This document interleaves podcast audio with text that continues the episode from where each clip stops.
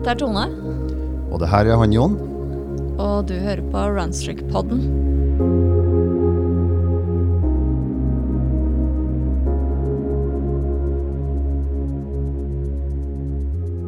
Hei, Jon. Nei, men hei, Tone. Da var vi tilbake. Vi er tilbake med Runstreak-podden, Ja, hvor vi snakker om å løpe hver dag. hver eneste dag. Ja. Det er uansett vær eller vind. ja. I dag har vi ingen gjester, Nei, det er bare oss. bare oss. Mm. Eh, vi skal eh, gå gjennom en del spørsmål vi har fått innsendt. Vi ba jo om eh, spørsmål som vi kunne svare på. Det her er jo Q&A-episoden. Questions and answers. Yes. Ja. Så, men, men aller først så tenkte jeg kanskje vi skulle ta litt hvordan Åssen går det med runstreaken din? Runstreaken lever. Nå er det jo en drøy måned siden jeg sprang 415 km. Mm. Aldri sprunget så langt før. Det er bare sykt bra. Ja, du, det er veldig fornøyd. Så det har, men det har tatt tid, og um, jeg har hatt en ganske rolig runstreak. Men forrige søndag så hadde jeg en eh, litt lengre markatur og følte nå er jeg tilbake Ja. i vanlig gjenge. Selv om energien er litt sånn ikke på topp eh, hele tida likevel, da. Nei, det tar vel litt tid å på en måte komme seg. Det tar litt tid, og jeg har liksom bare ikke stressa med å, å kom tilbake, for å si det sånn. Mhm. Så jeg har vært en del trøtt. Det er mer sånn søvnunderskuddet som har prega meg i ganske lang tid etterpå. Ja. Men nå er det bra. Jeg hadde litt vondt i en akilles, den er fin, og nå bare nyter jeg. Jeg har nye joggesko. Oh, Se på dem. ja, de Blå, var flashy og blå. halv pris. Vi liker det. ja. Mm. Du, da? Ja, altså jeg eh, fikk med meg et eh, skikkelig forkjølelsesvirus hjem fra København. Ja. Eh, det tok litt tid å bli kvitt. Eh, så jeg begynner vel først nå å føle liksom at Og at jeg kommer litt i vater. Ja. Jeg har vært veldig, veldig tett og veldig Ja, har ikke hatt noe særlig stemme. Den er fortsatt litt grumsete. Yes, jeg hørte den er redigert på den forrige podkasten. Så Ja. stemmen til Tone var ikke helt Den var ikke helt optimal. Nei. Jeg er ikke helt klar ennå. Plutselig så kommer det noen hostekuler. Ehm, så det er et eller annet som sitter og irriterer rundt uh, strupehodet og sikkert skal opp. Um, så nei um, Så jeg har liksom har løpt stort sett runstreak. Jeg har hatt mer enn nok med å gjøre det. Hadde to uker også da hvor jeg ikke trente styrke heller. Det var jo helt katastrofe. Ja. Føltes det som kropp for kroppen. Men Ikke det var det. bare ikke snakk om. Jeg har heller ikke hatt noe bra styrke i vib. Mm, ja, den ene, ene uka var jeg jo faktisk hjemme, så da var det kun runstreak. Mm. Og så var det litt sånn å få det til å passe inn i skjemaet. Eh, men da den tredje uka, da bare måtte jeg, for da hadde jeg vondt overalt. Så Ok. da var det ingen bønn. Ja. Eh, men det var jo mer teknikk da enn det var eh, ren styrkeløft, rett og slett fordi at det var jo ikke noe oksygen i muskulaturen. så jeg ble jo sur med, i bena og armene med en Ja. eneste gang. Ja. Nei, man må man, Det er samme som runstreaken. Det, når man slipper, um, slipper tak i treninga, så blir det bare så tungt å komme tilbake. Og det gjelder Jeg har også synda veldig med styrketreninga, så vi får skjerpe oss begge to. Mm, Kanskje. Det, det var jo de to første ukene, da. Jeg har hatt pause på jeg vet ikke hvor lenge. Okay. For stort sett så har jeg selv i ferier og sånt, nå, selv om jeg ikke har hatt PT-timer, så har jeg trent styrke. Ja. Eh, så det ble bare liksom bevegelighet eh, jeg gjorde. Så, men nå har jeg hatt både litt styrke og til og med i går hadde jeg en intervalløkt. Mm. Det, det var tungt. Det var en sånn all out-økt. Da okay. Ja, det var litt skjellegransking. Det, det betyr ta ut alt, bare løp til du kjenner blodsmaken. Du skal løpe maks, ja. Mm. Nå er ikke det så fort i mitt tempo, men, mm. men eh, holdt nok for pulsen og Ja, ja. fikk, fikk gjennomført. Så jeg er fornøyd med det. Men uh, jeg er veldig glad for at jeg ikke skal ha noe løp eller noen ting, sånne ting foran. Jeg kan foreløpig. Jeg kan bare konsentrere meg om treningsøkter og ja. løpeturer og egentlig bare nyte det, da. Ja. Mm -mm. Mens jeg skal på Birken. Ja. Det, det er sånn kompistur, så jeg tror det blir bare den vanlige Birken. Ja. Halvmaraton. Ja, Ja. Så det er kult. ja, men det er veldig gøy. Mm. Tar det bare som en tur. Ja, men uh, fin natur og greier. Det, Ja. Liker det. Og så litt sånn hyttetur og en øl etterpå. Ja, vi har hektisk, stramt program på jobb, så det gjør liksom at Det er noe med totalbelastningen av de Mm. tingene vi gjør. Mm. Uh, og da Det har jo vært hektisk i noen uker allerede, altså mellom si, påske og 17. mai og etter 17. mai og nå. Så det gjør at totalbelastningen gjør at da må noe vike. Og Ja. da, da blir det at blir, løpingen blir et minimum, og så heller fokusere på å få inn nok styrke så lenge. Ja, Mhm. det høres fornuftig ut. Ja. Runstreaken får lov til å leve, men det er det. Ja. Mm. Livet. Livet. Livet tar energi også. Ja. Mm. Men uh, skal vi gå over til uh, spørsmålene vi har fått, da? Ja, vi har fått inn noen spørsmål. Så det er ikke sikkert vi får tatt alle, men vi tar noen. Ja. vi bare svarer i vei, vi. Vi svarer i vei. Ja.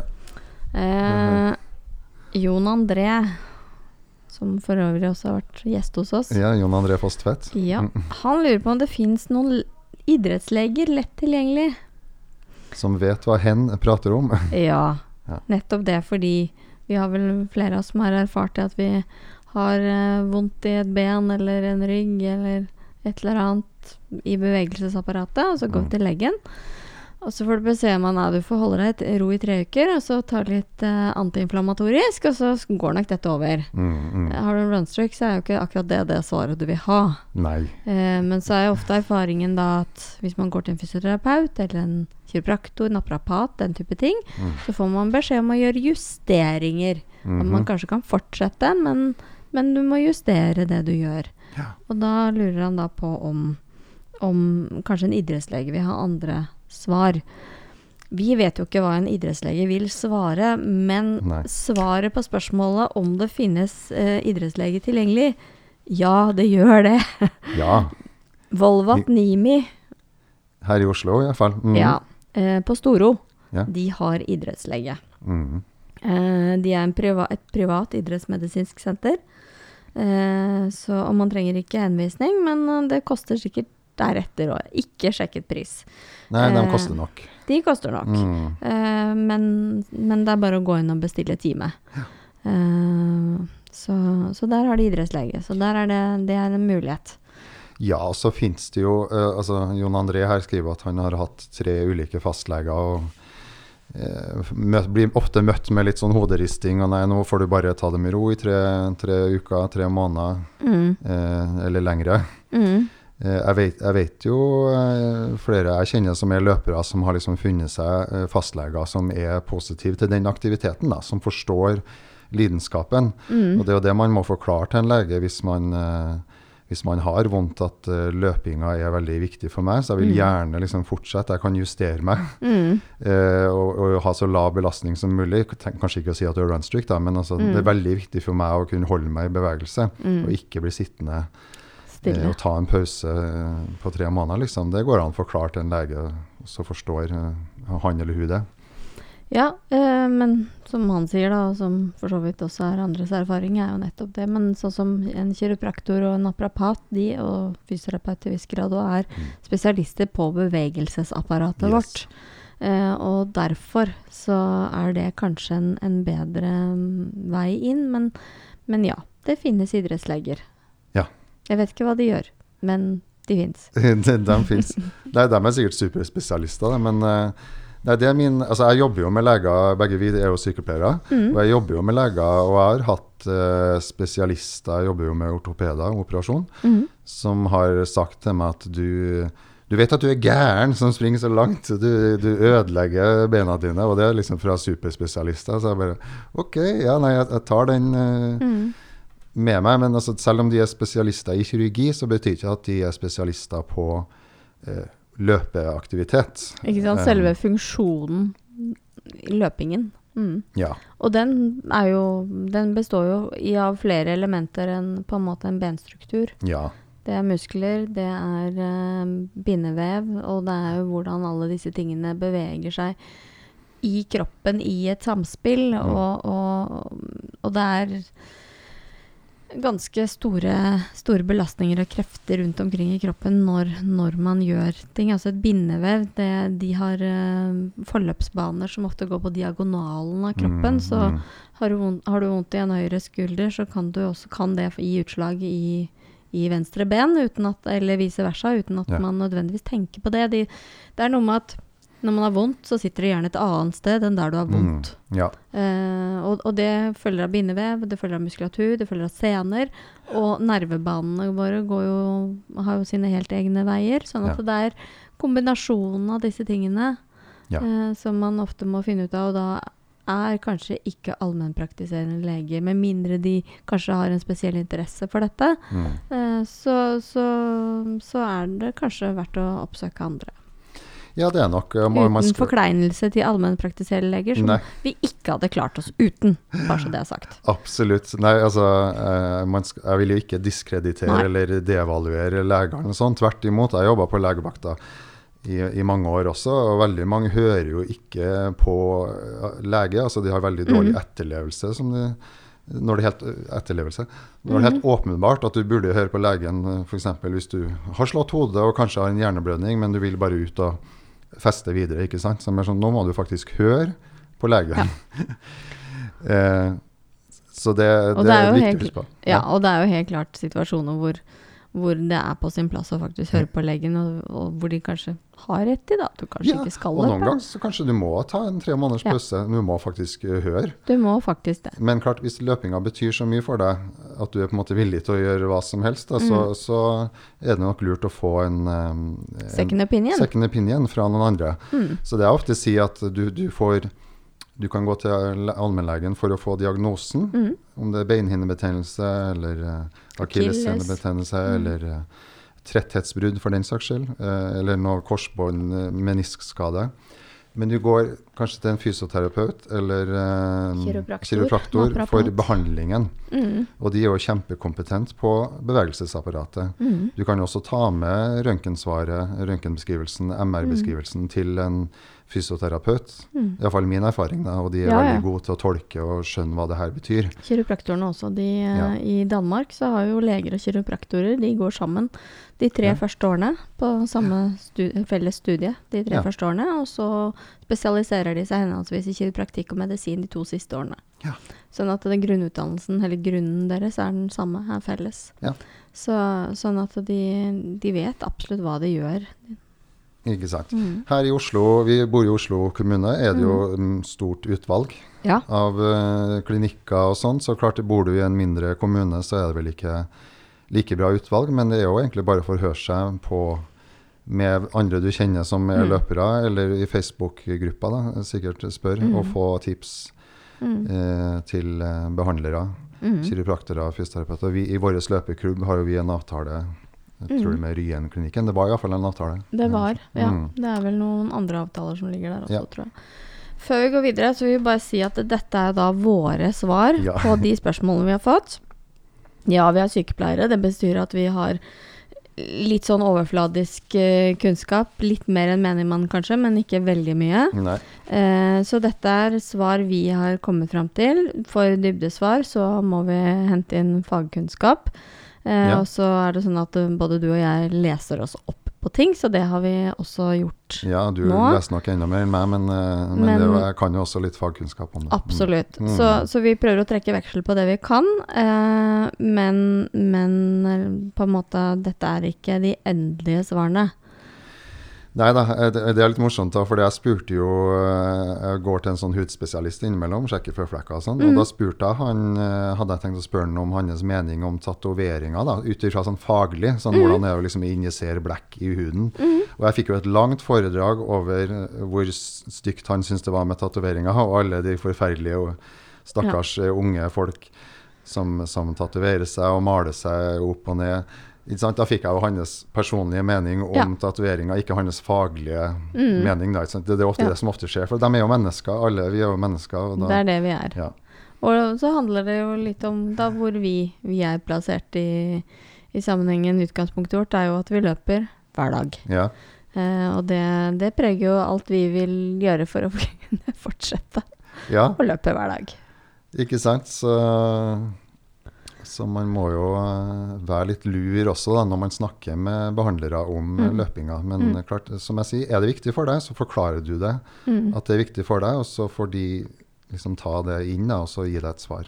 håpet er jo at man kan ha en dialog, at det er en Mm. samspill. At du, man liksom ikke bare blir fortalt hva man skal gjøre og sendt på dør, Ja. men at man kan ha en dialog. Eh, at man føler seg sett og hørt, og, men også ja, møter legen der legen er. Ja. Mm. Ja. Jon André har et spørsmål til, Ja. og han lurer på om man kan starte en liten styrkestreak i tillegg Mhm. til løping. Hvis man da f.eks. ikke får tid til 45 minutter en gang i uka, kan man dele det opp og så ha syv ganger syv minutter i uka? Mhm. Eh, det korte svaret der er jo ja. Eh, Ja. Fordi det er jo sånn at det man gjør, alltid trumfer det man ikke gjør. Ja, den beste treninga er jo den man faktisk gjør, Det er ikke den man kanskje burde gjøre. Nei, kanskje- alltid den du gjør. Kanskje bedre med en 45 minutter ordentlig styrkeøkt en time i uka. Men hvis du er sånn som meg, så blir det jeg føler at jeg ikke har tid til, eller det syns jeg høres veldig tungt ut med en time styrkeøkt. Så genialt å dele det opp i sju ganger sju, syns jeg, da. Og da rekker man, kan man rekke én til to øvelser, kanskje. Og hvis man gjør de da litt grundig, har en åtte til ti eh, ti reps Ja. og tre sett eh, av to øvelser. Hvis man gjør det da i det man kaller supersett, hvilket vil si at du, si at du gjør knebøy, Ja. og så mens du har pause i knebøyene, så tar du skulderpress med hantler. Ja. Ikke sant? Og da, da, da komprimerer du. Da gjør du jo egentlig seks sett på tiden og tre. Ja, ok. Mm. Sånn at du tar knebøy, og så når du er ferdig med knebøy, så tar du skulderpress. Ja. Og når du er ferdig med skulderpressen, så går du tilbake til knebøy. Da har du gjort et supersett. Og det vil si at da komprimerer du tiden du bruker på styrken også. Ja. Eh, I og med at man skal jo vende men, men da må man på en måte tenke gjennom litt hvilke øvelser man gjør, sånn at du ikke egentlig belaster samme muskel to ganger. Ja, sånn at den muskelgruppa får hvile litt mens du tar en uh, overekstremitet, mens Mm. du venter med underekstremitet. Nemlig. Mm. Nemlig.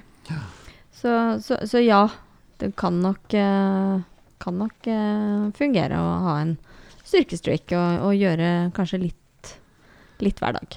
Ja, altså vi, vet jo ikke vitenskapen bak det, da. Men, nå, det, men det er jo samme approach som med runstreak. At Mm. mange tenker hva er vitsen med å ut og springe 2-3 km i 20 minutter? Mm. Når du da heller tar eh, og venter og tar et skippertak, da, om du tar en sånn ordentlig Mm. power-løpetur på 12 km. Det er jo samme med, med styrketrening. Det var mye bedre da å få gjort litt grann hver dag, istedenfor å utsette den tunge økta som, du, som aldri passer likevel. Ikke sant? Ja. Ikke sant? Eh, og styrke er jo viktig. da, Nå har jo jeg synda litt, som jeg snakka om litt i stad. Men eh, ikke bare for å se, føle seg liksom lean and eh, clean, men også Core-muskulatur avlaster jo knær og legger og bein. Mm. Hvis du har et, en god setemuskulatur, god magemuskulatur. Og så Og så er det jo det som løper, da. Vi skal jo helst holde oss oppreist mens vi løper. Eh, og da bidrar jo kjernemuskulaturen til at vi holder oss oppreist. Eh, og armene er jo faktisk de som er overlegne bena når det gjelder farten vi løper, og tempo. Mm. Eh, hvilket vil si at det å ha god styrke i overkropp og i skuldre bidrar til at man holder seg bedre oppreist, og du Ja. har en bedre flyt i, i armene, som på en måte også må De må på en måte ha en dynamikk sammen med bena når man løper. Og så er det faktisk sånn eh, at hvis um, du tilter hodet litt grann fremover når du løper, så gir du kroppen 42 kilo ekstra for hvert skritt du tar. Så når du Mm. løper, så hold, prøv å se i horisonten. Et tips der, det er å sette kinetisk teip, som er sånn tøybar teip. Den Ah. fester du i nakken, helt oppunder hårfestet. Og så teiper du hele veien ned til korsryggen. Og hver gang du tipper hodet fremover, så du kjenne at det strammer i nakken. Sånn at du husker å holde hodet opp. Fordi da får du en mye eller rettere linje gjen gjennom hele kroppen. Og det vil belaste enda mindre. ja. Jeg, har egentlig aldri tenkt over hvordan jeg holder hodet så mye. Mm. Eh, bortsett fra når jeg blir sliten eller tar i Mm. veldig, så, så faller det liksom bakover eh, på, Ja. hos meg. da. Ja. Eh, men det der med forover har jeg ikke tenkt så veldig mye på. Tenk hvor mye vi sitter lent fremover. Vi Mm. ser på telefonen, vi leser leser bøker, vi sitter over tastaturet. Ja. Ehm, så, det, så det å på en måte se mot horisonten og prøve å liksom ha en litt sånn Ja, ja. rak og strak holdning, det er veldig mye krumme skuldre å se rundt omkring, og krumme nakker og i det hele tatt. ja, ja, ja. Så, så det er jo noe med, noe med hvordan man regulerer hode og nakke, og det blir veldig belastning på hele hva skal vi si, hele ryggraden når hodet tilter for mye framover. Men også det med armene og overkroppen. Altså for Mm. brystet altså man tenker, Hvorfor skal man trene styrke i overkroppen? Brystet for å liksom åpne opp brystet og puste ordentlig. Eh, armene altså Det jeg ser på med løpere, er jo ofte armene. Eh, at, at, de, at de er ganske Det funker iallfall for meg. Nå demonstrerer jeg her i studio, men altså det å ha- holde armene nesten unaturlig høyt når jeg løper, og la dem svinge sving veldig, og, og svinge framover. Jeg ser mange som holder armene veldig lavt, Mm.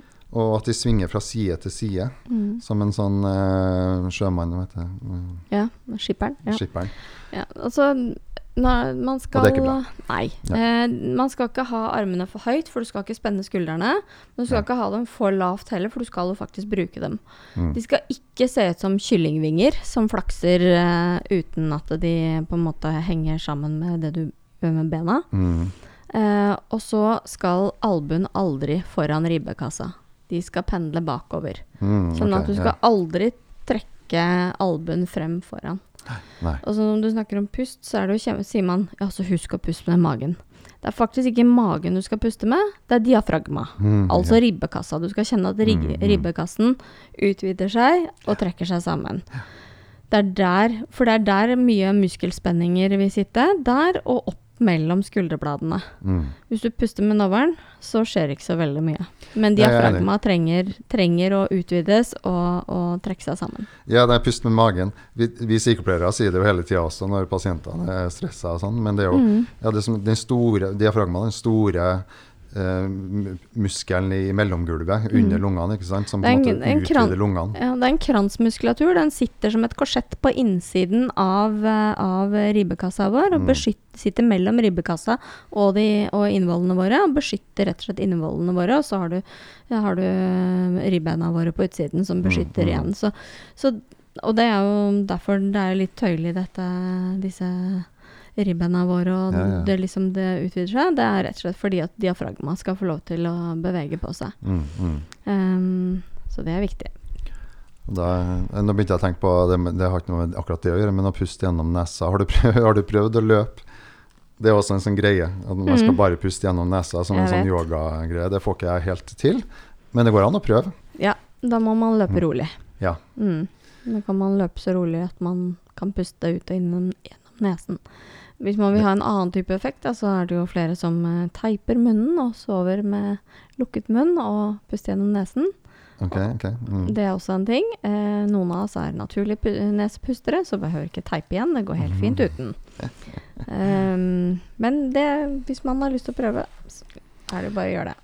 Men så vil jeg også si sånn vi, eh, Man kan jo bli for Iallfall vi som driver med langdistanseløping. Mm. Når jeg ser på sånn ultraløp, da, sånn, bi- så bruker ofte å være gutter som er sånn ordentlige beefcakes. Mm.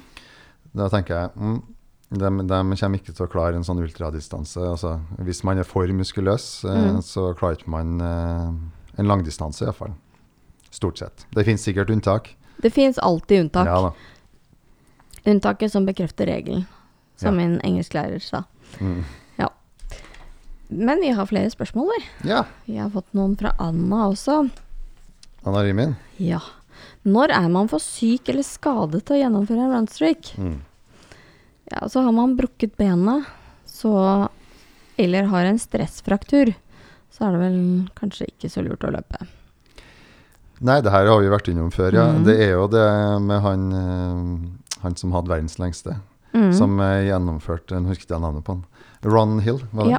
Som uh, gjennomførte runstreak med krykka. Da. Men jeg bare jeg tenker, hvis jeg brekker ankelen, da er runstreaken slutt for min del. Uh, For en periode. Ja. Mm. For en periode. Og så blir det å begynne på nytt igjen. Men jeg tenker, det, jeg føler liksom at en humping på krykka ikke kommer til å gjelde. Mm. Ja. Og så har du, er det jo som sagt, som vi har snakket om før, det er ikke anbefalt å løpe med feber, eller i Mm. hvert fall ikke høy feber. Og så får man Hver og en må på en måte gjøre en vurdering. Faren med å løpe med feber er at man kan få perikarditt, altså man kan få betennelse i hjerteposen. Det vil du ikke ha. Nei. Eh, en annen ting er at eh, covid har jo vist seg å være leie greier. Enten man får omikron eller delta eller alfa. Eh, jo tidligere, jo verre. Mhm. Eh, men, men det er klart at eh, blir man så dårlig at man Det å ta seg en tur på do er som å gjennomføre en Tinder-bestigning, så går man kanskje ikke ut og løper. Nei. Nei.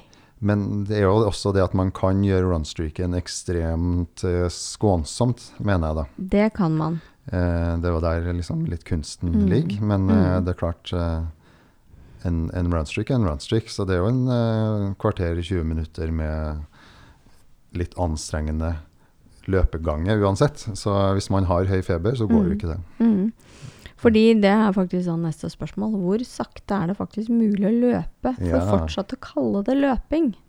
Mhm. Og der er jo egentlig svaret at så lenge du har et løpesteg, uansett hvor sakte det går, så lenge det er løpesteg, så er det løping. Yes. Jeg hørte podkasten til Ellen Westfeldt, og hun sa at hun kunne løpe eh, i fart eh, ned til 12 minutter på kilometeren. Ja, ja. Helt uproblematisk. Jeg klarer Ja. 14. Du klarer 14, og fortsatt så er det løpesteg. Ja. Ja. ja, for da har jeg vært ned, jeg har tenkt at men det hørtes utrolig sakte ut. Det kan jo bare, det høres ut som du måtte bare høres komisk ut. Men jeg har også hatt runstreaker som har vært i den farta 12, på, 12 Mm. minutter på kilometeren. Mm, ja, ja. Det er ikke noe problem. Eh, noen har talent for å løpe fort, og noen andre også har talent for å løpe veldig, veldig sakte. Ja, altså er man sliten eller veldig støl eller gåen, så, så føles det ut som absolutt en, en fullverdig løpetur altså, i den farta. Ja, Så og er man dårlig nok, så, så er det jo i hvert fall ingen Da har man ikke et alternativ, hvis Ja, man faktisk har tenkt å prøve å gjennomføre. Ingen, ingen problem. Og så løping i moden, moden alder, Ja. altså 40 pluss. Hva er det 40 viktig å tenke på? Der er vi jo begge. 40 er det nye 30. Eh, ja, 40. du, jeg trodde 40 var de nye 20. Jeg trodde det var 60 som var de nye 30. øh, vi er der, ja. ja. Jeg vet ikke. Jeg er 19. Ja. Jo, jo, men jeg er 46. Mm. Eh, og jeg kan jo si egentlig eh, det er hva jeg tenker på nå, da. Mm. Eh, for, jeg, for det første, jeg føler meg i min livsform. Mm. Jeg er mye bedre form nå enn jeg var i midten av 30-årene og midten av 20-årene iallfall. Ja. Da Ja. var det Marblod og snus eh, om en annen, for å si det sånn. Jeg hadde jo ingen av de delene, men jeg var passe inaktiv, kan vi være enige om. Ja, ja, ja. Mm. Men eh, iallfall det jeg To sånne kjappe råd jeg vil si, er at man må passe på skader. Det har jeg blitt veldig nøye med. Mm. Eh, så for min del så er det Altså, jeg vil bare ikke få en forstuing eller et brudd. Mm. Eh, Så jeg er blitt ekstra forsiktig. eh, med altså, Snowboard og alpint er på en måte utelukka for meg, faktisk. Mm. Randonee. Ja. Jeg skal ikke si det helt utelukka, men jeg tenker, vet du hva, er det verdt det? Mm. For sånn høyenergitraume, også terrengsykling for den saks skyld, det er så fort gjort å bare falle og få en skikkelig heftig forstuing eller brudd. Så det Men tenk hvilke kjernemuskulatur og hvilke muskelstyrke i lårene du får av å kjøre alpint. Ja da. Absolutt. Kjernemuskulatur Eh, på sti er jo fantastisk. og det er løping på sti. Eh, stisykling. Stisykling, ja ja. Ja. Men risikoen, hvis du detter Ja. av, den, eh, det vil ikke jeg utsette meg for. Men det er sikkert veldig moro, altså, men jeg bare driver ikke med det, for løpinga betyr så mye for meg. Skjønner. Skjønner. Men, eh, og det andre er komotio, eller hjernerystelse. Mm. Det er jo- det. Unngå det, ikke sant. Ja. Det, det kan være ganske heftig, også. Ja, det kan være kjempeheftig. Det kan sitte i flere måneder og over år. Aking på vinteren. Mm, mm. Korketrekkeren, det er jo som en sånn supergrossist for skader på legevakta. Det vil jeg tro. Ja, det skjer ikke lenger. Ja. Men jeg har da Ja. altså en liten forelesning klar. Ja, ja, ja, kjør på. For det skjer, no det skjer jo noe med kroppen når man plasserer 40. Ja. Eh, for kvinner i mye, mye større grad enn menn. Eh, Dere begynner jo også å miste muskelmasse fra 30-40, men for kvinner så er det mye, mye mer dramatisk. Eh, for da begynner ofte ferden mot overgangsalderen. Eh, selve overgangsalderen, eller klimateriet, det er tolv måneder uten menstruasjon. Det er på en måte menopausen. Mhm. I forkant av dette, en sånn mellom eh, For noen ti år, men veldig mange, et sted mellom fem og syv år, så har man det som kalles for førklimaterie. Mm -hmm. Eh, og der kan man få lov til å kjenne på alle mulige rare plager. Eh, Yes. Og da begynner gjerne dårlig søvnkvalitet, våkne på natten, må stadig tisse på natten. Eh, for ikke snakke om alle de gangene du må tisse før du skal ut og løpe. Alternativt stoppe på løpetur. Ja, ja. Eh, hjernetåke. Mange føler seg slitne hele tiden. Man begynner plutselig uten, uten å ha egentlig gjort noen endringer noe sted. Plutselig så kan man begynne å gå opp i vekt. Mm. Eh, noen får også uh, tider med veldig kraftige menstruasjonsblødninger når de Mm. først har menstruasjon. Eh, og, og alt dette skjer fordi østrogenet i kvinnekroppen reduseres, og så det gjør også progesteronet. Disse to er, eh, er noe som eh, trengs for å lage the lining, som det heter, som ligger i livmoren, dersom det er et egg som blir befruktet. Eh, og så er det jo da sånn at etter hvert så slippes det ikke ned noe egg, man har ikke eggløsning. Ja. Eh, og da ser jo ikke kroppen noen grunn til å øke progesteronet. Så da blir østrogenet liggende i kroppen til Ja. neste gang. Sånn at man får stadig sånn forhøyet østrogen, selv om østrogen. Mm. overskudd, selv om man kanskje har lavere, eh, lavere produksjon av østrogen sånn generelt sett, Ja. så vil det bli en overopp, uh, og, ja, økning av det. Og mange, unnskyld, mange damer vet, skjønner jo ikke helt hva som skjer heller. Da. Altså, Nei. som du sier, denne prefasen Mm. kan jo komme ganske tidlig, for noen i 30-årene. Mm. Eh, tidlig 40-årene. Ja. Og de, det har jeg fall hørt, de skjønner ikke at det er det som faktisk skjer, som er en helt naturlig prosess. Men du Mm. liksom møter motgang, du blir Mm, desillusjonert, mm. og du bare 'Å, jeg er i dårlig form. Hva er det?' Mm. liksom. Ja. Og, og mye av det handler om at man har jo ikke sett alle disse diffuse tingene i sammenheng. Ja. Man har ikke det er det, Nå er det masse kvinner som faktisk tar tak i dette helt selv.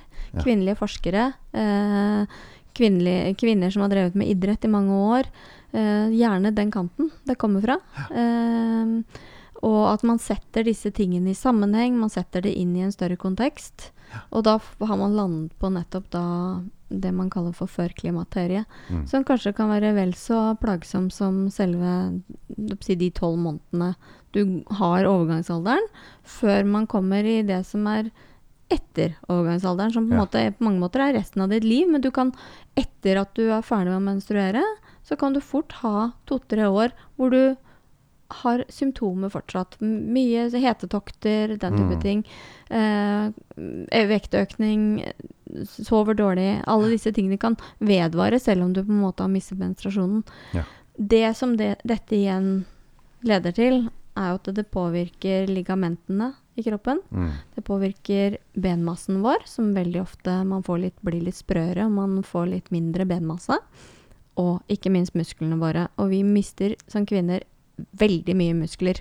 Ja. Det begynner allerede i 30-årsalderen, men eh, i 40-årene og 50-årene så, så mister man mye, og man mister det fort. Og derfor så sier man at uh, hvis du kan begynne å trene tung styrke i, mens du er i førklimakteriet, så gjør det deg selv en kjempetjeneste Ja. for ditt framtidige jeg. Fordi at da har du fortsatt mulighet til å bygge, bygge opp lettere. Jeg sier ikke at du ikke kan bygge muskler. Det finnes uh, masse bevis på damer som har begynt å trene i 70-årene og ser helt fantastisk ut. Og Ja, ja. så ut som Mummimamma i utgangspunktet. Mm. Uh, og er særdeles muskuløse. Sånn at det er aldri for sent. Men det er noe med å hjelpe deg selv nå mens du kan, fordi det også bidrar uh, i hormonene i kroppen, sånn at m- eh, Sånn at symptomer også kan, kan reduseres.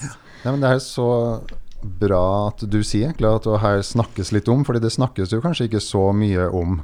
Mm. Eh, det der med menopause og klimakteriet for Mm. damer spesielt. Eh, de som liker å trene og har lyst til å trene. Og, Mm. og mange av oss har jo Du har jo løpt lenger enn meg, egentlig, men mange har jo løpinga som noe som kommer litt seint i livet. da. Mm. Når man har lyst til å ta seg sammen. Litt sånn 40-årskrise, som det var til meg. Mm. Og så kommer jo da gjerne det her for mange damer eh, i, i, i det samme fasen, kanskje. ikke sant? Når du Mm. har lyst til å liksom ha god helse og ta vare på helsa di med tanke på alderdommen, skulle jeg si. Eller din, Ikke sant? Og det sammenfaller jo gjerne med at uh, man har barn som har blitt større, mer selvstendige, og det, man har plutselig tid og kapasitet og ork. Ja.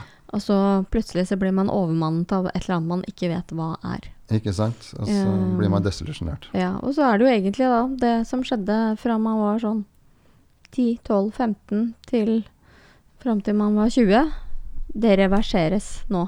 Ja. Og det tar jo da omtrent like lang tid. Ja. Um, det går baklengs, men det betyr at du har mye av de samme symptomene. Jeg tenker jo at det må jo være forferdelig hvis du er, har ekstreme humørsvingninger og har hetetokter og sover ikke, og så har du en obsternasig tenåring som har samme bare på stigende. Ja. Da tenker jeg at det Og så har du en samboer som, som har begynt å trene sammen med som har kjempeprogresjon og Ja, og ja. resultat. Ja. Ja, går ned i vekt og blir muskuløs og Ja, blir ja, ja. kjempesprek og løper som en gal, og så bare sitter du der og føler deg som en oppvridd skurefille mens ungdommene raser. Altså, Ja, det, ja. Nei, for det og det, eh, du, du, har, du får ikke like god effekt av treninga. Du har kanskje trent noen år allerede. Ja. Du merker ikke effekten. Du får ikke Mm. det samme svar, responsen. Mm. Eh, og du har ikke samme motivasjon, på en måte. Mm. Nei, rett og slett fordi du sover lite, så du er sliten hele tiden. Ja, ja, ja. Og det bringer oss i neste spørsmål. Ja. Er det lurt å trene styrke, og i så fall hvorfor? Det korte svaret der er jo ja. Ja, vi var inne på det. Vi har vært innom på det litt tidligere her. Ja. Det lengre svaret for kvinner, og det gjelder jo mann, menn også, og de har like god effekt av det, er at vi mister mye muskelmasse, som, som jeg sa i stad. Mhm. Eh, det å trene styrke to til tre dager i uka er kjempeviktig. Ikke bare for løpingen, livskvaliteten, men også friskhet generelt. Ja. Eh, det er da, som jeg sa i stad, at eh, man kan på en måte bygge mer muskler. Uh, man blir ikke seende ut som Arnold Schwarzenegger med mindre man tar steroider, så det er helt trygt Det gidder vi ikke. Å trene med tunge vekter. Og når jeg sier tunge vekter, så det, har man eh, to definisjoner på det. Eh, ordentlig tungt eh, i denne sammenheng, viktig å poengtere, det er opptil seks repetisjoner. Men man kan også Ja. legge seg på seks til åtte repetisjoner, og så tre til fire sett av øvelser. Det er viktig at man de At man holder seg på gjerne stor muskulatur. Ja. Så Og da mener du core-muskulatur, mage, sete, rygg? Mm. Mm. Og det er viktig å gjøre øvelsene riktig, og så er det viktig at man tar pauser mellom hvert sett, rett og slett for at musklene skal restitueres imellom. Eh, og da når jeg sier de store muskelgruppene, som øvelser da er knebøy, markløft, eh, øvelser på e som gjøres på ett ben, som burgarsk splitt eller markløft på ett Mhm. ben. Og for overkropp så er det typisk enarmsroing eller stående roing med begge hender. Enten du bruker en stang manualer, eller også man kan ha sittende roing da i maskin. Ja, ja, ja. Uh, Pushups, brystpress, skulderpress. Mhm. Og så som du sier, kjernemuskulatur er ekstremt viktig. Eh, og så er det da dette med bentetthet. Da er det noe som heter plyometriske øvelser. Altså det er rett og slett hoppøvelser.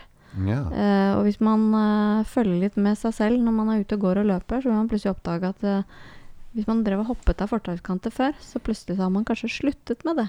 Eller du Mm. er ute i marka og steder hvor du kanskje bare ville hoppet over noe, så legger man kanskje merke til at man senker farten litt, og så tar man det litt sånn lett trippende i stedet for å hoppe. Ja, eller når det ligger en stokk eller tre på overstien, Ja, så så, stopper du man, og så tar man bare og slenger over ett Ja. ben, og så gjør det sånn trygt. Og, Ja, som en I sånn, stedet for. ja.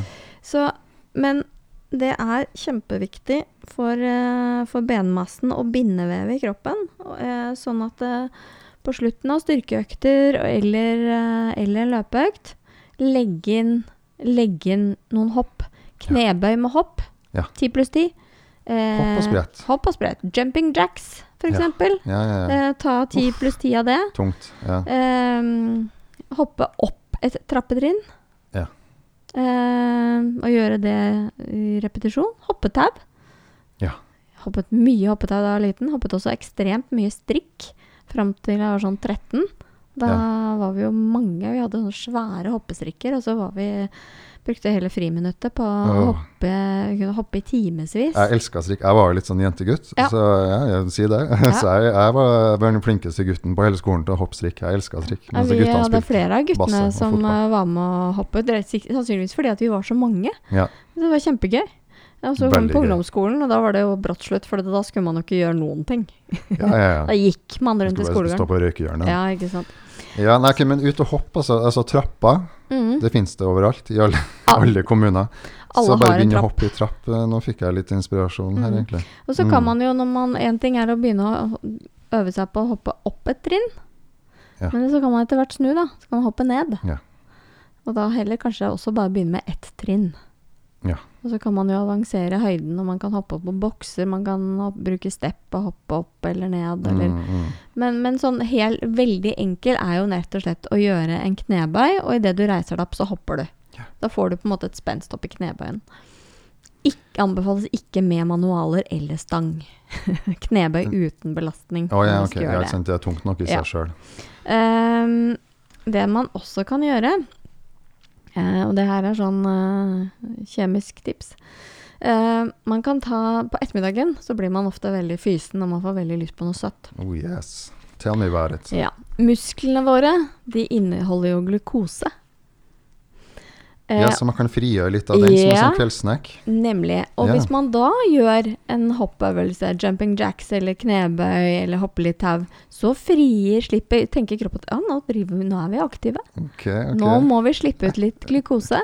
Og da slipper muskulaturen det ut i kroppen, og da bruker du ditt eget glykogen istedenfor at du går og forgriper deg på sjokoladen eller et eller annet sånt. Du strekker den veldig langt, men jeg skjønner jo hva du sier. Altså, Istedenfor å finne fram sjokolade, is fra fryseren, så ta noen jumping jacks eller uh, bro. Altså legg deg ned eh, i planke eller sånn, er det du sier? Frigjør uh, sukkeret fra musklene. Ja. Ja, det er i grunnen det jeg sier. Eh, men, men det må være Der kommer Oh God. nettopp dette med, med hopping inn. Fordi at Ja. det ja, eksplosivt Det er litt. litt eksplosive. Ja. Eh, for det er det som på en måte påvirker eh, kroppen. Nei, men du, vet du, vi, vi må ta Vi har snakka om at vi skal ta eh, noen episoder om styrketrening i forbindelse med runstreak. Eh, Fordi jeg kjenner at det blir litt overveldende når man skal alt det man bør gjøre. Eh, Det, Mm. det er jo veldig mye man, man absolutt burde gjøre. Ja. Men hvordan kan man dele opp det her sånn at det blir overkommelig? Ik at det ikke blir sånn skippertak, at det blir en sånn monsterøkt eh, to-tre ganger i uka som man Mm. bare gru, gruer seg til og utsetter. Men at man kan gjøre, dele opp i små biter, Mm. som er i hvert for, som en start. da, Mm. For å kjenne at det er gøy, for å kjenne at man får resultat. At vi lager, mm, sammen med de, de som lytter som er interessert, da, et eh, styrkeprogram Mm. som vi kan gjøre som runstreakere. Mm. Det gjør vi til høsten. Vi ser om vi kan få til det. Ja. Ja. Så har vi fått noen spørsmål til. Jeg tror ikke vi rekker alle fra Elin Møllegård, Nei. men vi kan ta noen av dem. ja. Uh, hun snakker om uh, Hun sier mange snakker om å yte før nyte og yte før å nyte. Uh, og lurer på om vi har noe spesielt fokus på kosthold. Som hun sier da, både daglig, før, under og etter løp, og hva er vårt forhold til alkohol. Ja. Eh, når det gjelder mat, så i forlengelsen av eh, manglende muskelmasse, eller reduserende muskelmasse, så er det vi veldig viktig for kvinner å sørge for at de får i seg nok proteiner Mm. til hvert eneste måltid. Ehm, og de snakker faktisk om så mye som to gram per kilo kroppsvekt. Det er ganske mye verdt- veier du, veier du 70 kilo, så skal du ha 140 gram proteiner, og de bør fordeles på alle hovedmåltidene. Yes. Mm. Og for min del så er jeg vegetarianer, eller fiskevegetarianer, så jeg Mhm. får jo i meg masse fisk. Jeg Mhm. elsker fisk. Men ellers er jeg ikke så eh, veldig fokusert på kosthold, men jeg tror jeg er veldig glad i salat og eh, spiser generelt sånn passe sunt, selv om jeg er glad i søtt og godteri. jeg også. Det kanskje aller viktigste er vel, i hvert fall for kvinner, å kanskje spise nok. For det er veldig mange som alltid spiser litt for lite. Ja. Eh, og det gjør jo at man, går man jo kanskje og er litt sånn litt sliten hele tiden. Det Ja. påvirker jo søvnen også. Ja. Um, og, så jeg tror kanskje å spesi- det, det er liksom det å spise nok, og spise nok hele tiden. For det er jo ikke sånn at har du vært ute og løpt en time, så kan du spise veldig mye mer du, om, om du ikke hadde løpt. Fordi det forholdet der mellom hva man forbrenner og hva man inntar, det går veldig ofte skeivt. ja. Uh, men, men det er veldig viktig at man spiser nok til alle måltider. Mm. Eh, og så hva som er riktig, det må hver enkelt ta stilling til selv. Hva som funker for seg. Eh, tenker at det skal ikke vi Nei, det finnes så mye kostholdsråd, og Ja, ja. alle vet jo på en måte det. Så Så, det er det, ja, unngå sukker og prosessert mat er vel uh, det som er på vei inn nå. Ikke sant? Mm. Superprosessert mat. Mm. Ellers så hadde vi jo en episode om mat og drikke under løp, Mm. eh, som også tok for seg en del der. Mm, og Mm. der er det jo litt sånn Under et løp så gjelder det litt andre regler enn ellers, for der handler det om å få i seg mat og eller få næringen Næringsopptaket skjer så fort som mulig. Ja. Uh, uten at det, det kanskje går på bekostning av fordøyelsen og den type ting. Så det er en ting man må, må teste. Yes, Men sånn lange løp som, som jeg har drevet på med, Mm. så er det faktisk veldig viktig med protein også. Men det blir litt Mm. sånn eh, spesielt, da. Men, veldig man glemmer protein på sånn langdistanseløp. Ja, det er kjempeviktig, for muskulaturen brytes jo aktivt ned hele tiden. Ja. Det er jo en ren nedbrytningsprosess. Ehm, ja, hvordan er vårt forhold til alkohol? Alkohol. Ja, eh, jeg drikker jo ikke veldig mye. Eh, prøver å begrense Eller altså, jeg bør ikke prøve å begrense, jeg drikker veldig lite, fordi kroppen min er ikke noe spesielt glad i alkohol. Jeg har noen sånne egne regler for min egen del. er eh, Drikker jeg vin, så drikker jeg alltid vann. Ja. Eh, og jeg avslutter alltid før, tre timer før jeg skal legge meg, fordi at jeg vet at det påvirker søvnen min veldig. Ja. Man sier ofte at ja, men jeg sovner jo så godt. Ja, det er ikke så rart, du er sedert. Ja, nettopp. Rett og slett. Og, og, og det er jo en grunn til at alkoholikere, altså garvede alkoholikere, får hallusinasjoner. Fordi det alkoholen gjør, er at den, den forskyver rem-søvnen. Så når du Mm. har hatt mye inn, dyp søvn indusert av alkohol, så til slutt så begynner man å hallusinere. Rett og slett fordi at da trenger rem-søvnen seg på allikevel. Hjernen bare prioriterer den. Ah, si. Så da får man delir. Sånn er som drikker seg i søvn, liksom. Ja, som må ha det. Ja, nei eh, eh, Som alle andre så er jeg glad i glass vin og øl, jeg også. Eh, men eh, jeg, jeg bare hater å være fyllesyk. Så, Ja. så jeg også eh, har blitt sånn Vet du hva, det er ikke verdt det. Og, liksom, å være på fest og sånn, kom igjen, ta en til. Mm. Eh, jeg tar ofte også snike inn ganske mye vann, og hvis jeg er på fest eller selskap, så kan jeg på en måte bare gå over til å drikke brus og vann. Mm. Fordi jeg bare vet at jeg, liksom, når jeg legger meg, så vil jeg liksom ikke ligge der og føle at eh, hodet suser, og at du fortsatt smaker den siste mm, ølen eller drinken. Mm. Og så har jeg egentlig et tips at det går an å prøve Man trenger ikke å bli 100% avholds, men man kan prøve en periode uten å drikke. Ja. Prøv å dra på fest hvor du bare drikker lettøl. Du får kjøpt sånn kuleøl nå som ser ut som ekte øl, så ingen spør deg sånn spørsmål. Hvorfor drikker du ikke? Eh, Men, men det er jo blitt mer, mer, mer aktuelt å ikke drikke også. Ja. Altså, det er større toleranse for det. Det det. At man kan på en måte Og, og så er det litt det Man behøver jo ikke forklare for noen hvorfor man ikke drikker. Det er ingen som har noe med hvorfor man ikke drikker. Nei da, men som, sånn som kvinne du- så får man denne 'Å, er gravid'. Eller, Ja, eller eller som, skal du kjøre? skal du kjøre? Eller som mann så er det mer sånn 'Å ja, men du, ikke sant? du har blitt, så, du har blitt treningsnarkoman, så du vil ikke drikke'. Men bare kjøp noen sånne lettøl da, som ingen ser. Ingen legger merke til det heller. Så slipper Mm. du spørsmålet. Men det burde ikke være nødvendig å få disse spørsmålene. Nei da, ikke i dag. Nei, Så um, drikk med en måte, eller la være, eller ja. Gjør, uh, gjør det som eh, passer seg. Ja, ikke sant? Og Mm. man kan jo egentlig ta en liten øl eh, dagen før et løp også. Ja. Det har jeg gjort. eh, Ingrid Kristiansen sa det at uh, ingen løp er så viktig at du ikke kan ta deg et glass vin kvelden i forveien. Ja, Hun har løpt eh, har sterke maraton etter et glass rødvin. Så, så Ja. det tenker at her, her er det opp til hver enkelt, rett og slett. Jeg syns for øvrig at det er alltid fint å kunne ha en god dag dagen etter også. Det er akkurat det. Det er ikke verdt det å være fyllesyk. For det, det er samme som å stå i bilkø. Det bare hater jeg når jeg klikker. Ja, Ja. det var eh, alt vi rakk. Det var eh, questions and answers, answers fra Jon og Tone Mm. om eh, alt mulig mellom himmel og jord, relatert til runstreaken. Mm. Ja. Og så skal vi få lagt inn noen lenker for veldig mye av de Mm. svarene som vi har hatt her. I hvert fall de som har vært litt faglige. De kommer ikke fra oss, men fra dokumenterte kilder. Ja. Mm. Så det, skal, det legger vi også ved i notater hvis noen vil se nærmere på Det det. er veldig bra. Spesielt det med overgangsalder og Mm. kosthold. Mm. Mm. Så da vi avslutter, for Vi noen avslutter. banker på døra her. Husk at uh, dere runstreakere, hvis dere har en dårlig dag eller en god dag, Så har dere alltid runstreaken. runstreaken. Takk for nå. Ha det godt. Ha det. Hei.